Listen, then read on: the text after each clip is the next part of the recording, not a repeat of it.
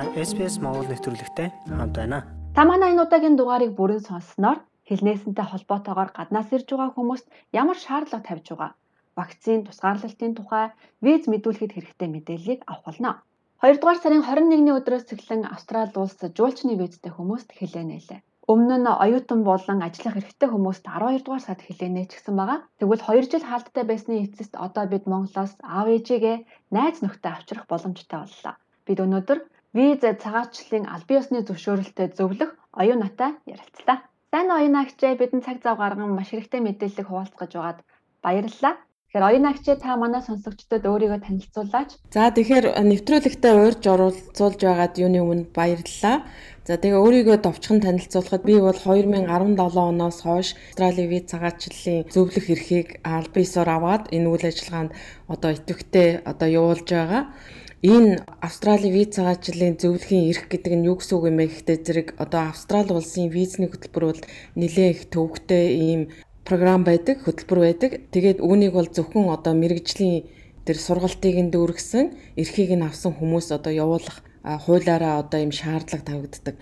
Тэгээд ийм хүмүүсийн хувьд болохдоо зэрэг жил болгон одоо тодорхой цааны кредит багц цагийг гүйцээж тэ мэдлэгээ байнга одоо сайжруулж одоо мэдлэгээ байнга одоо сүүлийн үеийн мэдлэгээр одоо арвжуулж ингэж юу ажиадаг учраас одоо хүмүүс хамгийн одоо үнэн зөвд бодиттой тийм мэдээллийг хүргэж одоо хүмүүсийг хэрэглэгчдийг одоо төөрөгдүүлэхгүй байх ийм зорилготой ийм хүмүүс одоо мэрэгжлийн хүмүүс байдаг юм аа. Магадгүй би ээж аваагаа авчирхаар төлөвлөж байгаа бол юу мэдэх ёстой вэ? Бид нар ямар вакцин хийлгсэн байх ёстой вэ? Ирээд тусгаарлалтанд орох уу, үгүй юу мэдчихсэн та хил нээсэндээ холбоотой шинэ мэдээллийг хүргээч. За тэгэхээр визитер визтэй хүмүүсийн хувьд бол өнөөдрөөс эхлээд бол хилээр орж ирэхийг бол зөвшөөрч байгаа. 2020 оны 3 сараас хойш одоо бүтэн 2 жил шахам одоо ингээд хил хаалттай байсан жуулчдын хувьд одоо өнөөдөр бол одоо энэ хил нэгдэж байгаа ийм өдөр болоод байна. За тэгэхээр жуулчдын хувьд бол хэрэг бүрэн вакцинд хамрагдсан байх юм бол юу яаж байгаа хилийн одоо нөгөө хоригоос одоо чөлөөлөгдөх хүсэлт гаргахгүйгээр шууд орж ирж болно. Хэрэг вакцинд бүрэн хамрагдаагүй тохиолдолд бас хилийн хоригоос чөлөөлөгдөх хүсэлт одоо өгөх ёстой. Аа тэгээд бас вакцинд хамрагдаагүй хүмүүст нэг анхааруулж хэлэхэд бол бас нөгөө тухайн муж улсуудын карантин хөл хорионы журмын дагуу бас жочид буудалт те 7-аас 14 хоногоор одоо ингээд 20-нд орох тийм өөрийнхөө зардлаар 20-нд орох тийм шаардлага байгаад байгаа юм. За жишээлбэл одоо New South Wales-ийн хувьд гэхэд вакцин хамар бүрэн хамрагдаагүй хүмүүс бол 14 хоногийн одоо энэ хотел карантинд орох байсныг өчигдрөөс эхлээд 7 хоног болгоод бууруулсан. Аа тэгээ бусад зарим мужуудад бол 14 хоног хэвээрээ байгаа. Тэгэхээр энэ талаас нь бас хараад а дээрэс нь хэрэг бүрэн вакцинд хамрагдсан тохиолдолд бол ийм карантин хамрагдах шаардлага байхгүй зөвхөн гэртээ тусаар өөрийгөө тусгаарлана гэж байгаа одоо ээж аваад байлаа гэхэд одоо ирсэн хүүхдийнхаа гэрт нь те 7 хоног өөрийгөө тусгаарлаад тэгээд нөгөө төр тест байгаа шүү дээ төрөвчлсэн тест төрөвчлсэн тест дээр одоо эренгүүтээ тэр тестээс тестээр өөрийгөө шалгаад аа тэгээд 6 дахь хоног дээрээ бас тэр тестээр шалгаад тэгээд ингэж юу яаж болно гэсэн үг тийм Бидний аав ээж бол ихэвчлэн визитер визээр ирдэг те. Тэгэхээр энэ визийг мэдүүлэхэд бид нар юу мэдэх ёстой вэ? Тэд нар ч гэсэн бас магадгүй виз нь өмнө нь гарчихсан те. Ирж амжаагүй хугацаанд дуусчихсан байгаа бол бид нар яах вэ? Нөгөө ковид эхлэхийн өмнө хүн аа тэгээд яг ковид эхэлсний дараахан одоо өөрөөр хэлбэл 2019 оны сүүлээр эсвэл 2020 оны эхээр визэнд орсон хүмүүс байгаа даа байхгүй. Тэгээд тэр хүмүүсийн хувьд зарим хүмүүс нь бол виз нь гарцсан А гэхдээ нөгөө ирж чадаагүй байж байгаа виз нь дуусчихсан тэр чинь нөгөө виз дээр аялын виз нэг жилийн хүчинтэй. Тэгэхээр тийм хүмүүсийн хувьд бол юу яаж болно гэж байгаа. А буцаад визээ одоо үнгүй мэдүүлэх боломжтой гэж байгаа. Тэгэхээр тэр тал дээр бас анхаараа тийм хэрэг виз чинь дууссан яг энэ хугацаанд визт нь дууссан бол визээ үнгүй мэдүүлж олно. А эсвэл бүр ирэх шаардлагагүй гэж байгаа визнийхаа хураамжийг одоо буцааж авах боломжтой байгаа шүү тийм. Вакцины тухайд бол хүмүүс нэлээд сонирхдаг л да. Яг өнөөдрийн байдлаар Австрали бол хоёр тун вакциныг шаардж байгаа тийм ээ. Монголд бол 3 маадгүй зарим хүмүүс 4 дахь тунгаа хэлэгдсэн байгаа. За тэгээд Монголд хийж байгаа вакцинууд бол баг бүгдээрээ Австралид бол хүлээн зөвшөөрөгдсөн байгаа. За Хятадын, Оросын, за тэгээд Moderna, Pfizer, AstraZeneca бол Монголд хийж байгаа. Тэгэхээр вакцины зөв рүү гарах нь бол харьцангуй бага юм шиг байна гэж харж байсан л да. Тийм вакцины хувьд бол хамгийн сүүлд нөгөө Sputnik гэдэг Оросын вакциныг нэлээд одоо бас Австрал нөгөө үр дүн нь бас юу хүлэн зөвшөөрөгдөөгүй гэдэг ингээд бас нэлээд юу яахгүй байсан зөвшөөрөхгүй байсан. А тэгээ харин сая нэг сарын өмнө байна уу да 2 сарын өмнө хүлэн зөвшөөрөөд тэгснэр болвол хятадын манад бас хэрэгжилж байгаа хятадын хоёр вакцин бас зөвшөөрөгдөж байгаа. Тэгэхээр яг өөрсдийнхөө иргэдэд хэрэглэж хэрэглээгүй ч гэсэн бас тийм одоо вакцинаар одоо тариулсан тий хэрэгэлсэн хүмүүсийг болвол вакцинд хамрагдсан тооцож байгаа нь давуу талтай тий. 2 жил ээж аваагаа хараагүй хүмүүст одоо ээж аваахын визэг хэрвээ мэдүүлэх гэж байгаа бол бид нар юу гэж мэдүүлсэн одоо бас гарахад илүү магадлалтай болгож өгөх болоо. Таан дээр зөвлөгөө өгөөч визитер виз одоо юуны визний аяллаа визний хувьд бол аль болох дэлгэрэнгүй одоо юу мэдээлэл те олон мэдээлэл өгжөөж одоо виз гарах магадлал өндөр байдаг. Өөрөөр хэлбэл одоо зөвхөн одоо ганцхан урайд одоо би аяж аваагаа урьж байгаамаа гэхгүйгээр одоо нөхцөл байдлаа бас өөрсдийнхөө яг нөхцөл байдлыг тайлбарлаа. Жишээлбэл бид одоо юу гэдгийг мастрынхаа сургалтанд анхаарад одоо миний хамгийн сүүлийн удирдал учраас би одоо анхаарах учраас тий би одоо явах боломжгүй байна. Тэгээд одоо ингээ 2 жил одоо аав ээжээсээ тустай байсан. Тэгээд аав ээжигээ одоо энэ үеэр ингээд авчрах авчрахыг хүсэж байна. А эсвэл нөгөө Австралийн эрэлттэй мэрэгчлэр ажиллаж байгаа ч юм уу те хүмүүсийн хувьд болохтой зэрэг яг ингээд Австралийн нөгөө эрэлт эрэлттэй мэрэгжил биш одоо чухал салбарт нь ажиллаад одоо ингээд Австралид одоо энэ ажиллах хүчний хомсдолд байгаа энэ хэцүү үед би одоо бас ажлаас чөлөө авах хэцүү байгаа.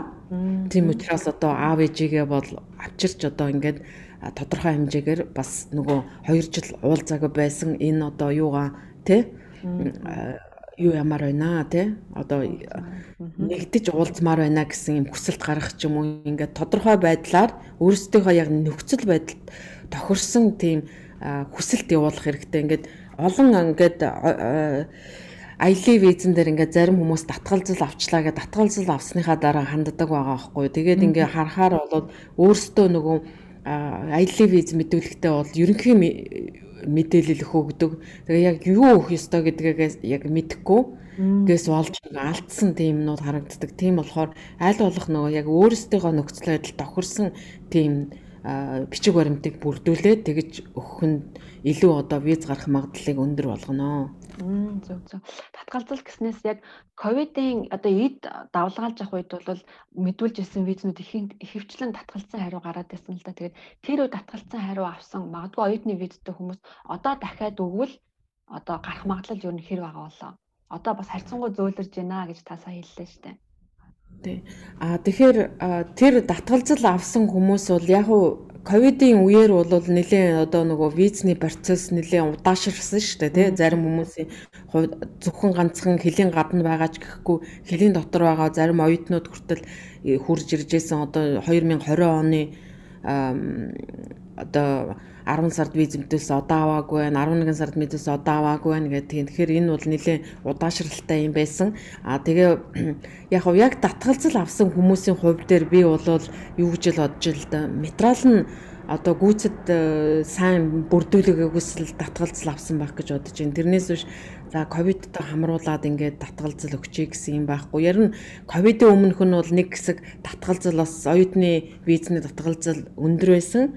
Аа тэгээд э, одоо ингээд Австралийн засгийн газар өөрөө оюутныхаа одоо энэ гадаад оюутнуудыг орж ирэх тал дээр илүү анхаарыг гэж байгаа энэ тохиолдолд бол материалаа сайн бүрдүүлээд өгөх юм бол визний гаралт бол сайн байх ёстой гэж үзэж байна. Тийм. Тийм хамгийн гол нь алдаагүй тийм зөв аппликейшн л оруулах ёстой. Ямар нэгэн байдлаар хий гаргах юм бол тэгээд тэр чин болвол тэгээд тэр визний материалыг хилцэж байгаа хүн маань одоо мэдээж тэр өөрийн чинь гаргасан алдааг одоо ингээд юу хайхрахгүйгээр яана гэж байхгүй. Тэгээд одоо жишээлбэл юу гэдгийг те нөгөө санхүүгийнхаа бичиг баримтыг бүрдүүлэхдээ ингээд алдаатай бичиг бичиг баримт ингээ өгсөн байх юм бол тэр хүн чи одоо татгалцахаар аргагүй болно шүү дээ тий. Тэр тийм одоо илт тийм тодорхой алдаануудыг хийж болохгүй а тийм алдаа хийгээгүй тохиолдолд бол виз гаргалт бол гайгүй харьцангуй одоо нэг хувь хүнийхээ үзмжээр те одоо кейс офисер гэдэг дээ те визийг хилцэж байгаа визийг хянаж байгаа тэр ажилтны үзмжээр бол татгалзах нь одоо баг байхаа хаа гэж бодож байна. За магадгүй оюутны виза авчихсан одоо ирэх гээд хүлээж байгаа онгоцны виза захиалсан хүмүүс сонсч иж магадгүй юм. Тэр хүмүүст та бас мэдээлэл олгож өгөхгүй юу? виз нь дууссан бол дахиж сонгох боломжтой гэх мэтчлэн. Тэр хүмүүсийн хувьд одоо ихэнх хүмүүс маань Монголд байгаа одоо Австралиг одоо ирэх гэж байгаа Австрал ирэх гэж байгаа хүмүүс ч одоо ерөнхийдөө 3 том бүлэгт хуваагдах болоо гэж бодож байна. Нэг хэсэг нь болохтой зэрэг нөгөө оюутны визтэй байсан, оюутны виз нь дууссан юм уу? Эсвэл зарим нь ингээд оюутны виз нь дуусаагүй ч гэсэн нөгөө хичээлээ үзэхгүй. Одоо жишээлбэл зарим нь хүмүүс холбогдож ирсэн шүү дээ. Ингээд бүтэн 2 жил онлайнаар хичээлээ үзнэ гэдэг чинь нөгөө сургалтын төлбөр энэ төр нэг хэвээрээ байгаа байхгүй. Тэгэнгүү сүулдэ сургуультайгаа яриад ингээд нөгөө курсээ хойшлуулад курсээ хойшлуулснаас болоод бас зарим оюутнуудын хувьд одоо ингээд миний оюутны виз одоо туслахдах уу яах уу гэсэн айдастай тий Одоо ингээ хэлээр ороод ирэхэд чи хичээлдээ суугаагүй юм байна гэсэн тийм үүсэх болов өнтер гэсэн тийм юунууд бол байгаа. Одоо жишээлбэл зарим оюут саяхан нэг холбогдож байсан оюут ингээд 8 сард юун дуусах юм аа оюутны визэн дуусах юм. Тэгээ ингээ би одоо орох яваад очих юм бол чиний виз чинь дуусах гэж байгаа нэгэд хил дээр намайг буцаах болов уу гэд ингээд тэгж бас айдастай хүмүүсээс нь. Тэгэхээр тийм хүмүүсийн хувьд бол яг ковидоос өмнө бол тэгдэг л байсан л да. Тэгээ Австралийн нөгөө хилийн албаны хүмүүс чинь бас зарим с ิจ гтэй тийм визтэй те дуусгаж байгаа визтэй хүмүүс буцаад ороод ирэх юм бол бас асуун штэ те. Тэгэхээр тэр тохиолдолд бас сургууль энтертэйгээ холбогдоод тэгээ одоо хэрв сургуулаасаа ямар нэгэн одоо имэйл авсан ч байдаг юм уу те одоо ингээд таны одоо хичээлийг одоо үргэлжлүүлэх сурах боломжтой ч гэдэг юм уу а эсвэл одоо дахиж нөгөө визээ сунгуулахаар одоо виз цагаачлалын байгууллага агентлагтай холбогдсон тэднэрээс одоо тодорхой хэмжээний чиглэл авсан байгаа бол тэр имэйл ч юм уу те тэр захаагаан бол ил аваад явж явах хэрэгтэй юмыг яаж мэдгүй хэрэг хил дээр ингээ асуухтах юм бол одоо дараагийн юу болвол ийм төлөлгөөтэй байгаамаа гэдгийг нотолж чадах юм бол асуудалгүй тэгээ хилээр орж ирнэ шүү дээ тий. Тийм тэгэхээр тэн дээр тэгж анхаарах хэрэгтэй. А дараагийн нөгөө нэг бүлэг хүмүүс нь болохдоо зэрэг нөгөө төгсгчийн визтэй хүмүүс байгаа. Зарим төгсгчийн визтэй хүмүүс болохоор зарим нь болохтой зэрэг нөгөө хөлийн гадна байж хахад виз нь дууссан тий орж ирж чадахгүй сая 2 жилийн визтэй хүмүүс яг 2020 оны 2 сарын 2 сар гэдэг чинь нөгөө зарим оюутнуудын хувьд яг амралтаараа цагаан сараар ээж аав руугаа буцаж очиж зоолгоод яадаг үе шүү дээ. Тэгэхээр яг тэр үеэр зарим оюутнууд яг ингээ хил хаагдсанаас болоод хилийн гадна хатцсан зарим нэг хэсэг байгаад байгаа байхгүй. Тэгэхээр тэр хүмүүсийн хувьд хэрв graduate visa одоо төгсөгчийн виз чинь стил одоо хүчинтэй байгаа бол одоо ороод ирж болно. А тэгээд бол сая энэ 2 сарын 18-нд бол энэ визийг нь бол дахин одоо сунгаж өгсөн байгаа. Анхных нь юугаар хугацаагаар Тэгэхээр бол тэгээд сунгах боломжтой. А харин визэн дууссан хүмүүсийн хувьд бол бас одоо нөгөө 2000 22 оны 9 сарын 22 хүртэл одоо виз олгож байгаа. За тэгэхээр тэр хүмүүсийн хувьд бол Австралид ирээд 7 сарын 1-ний дараа одоо визээ дахин мэдүүлэх боломжтой байгаа шүү.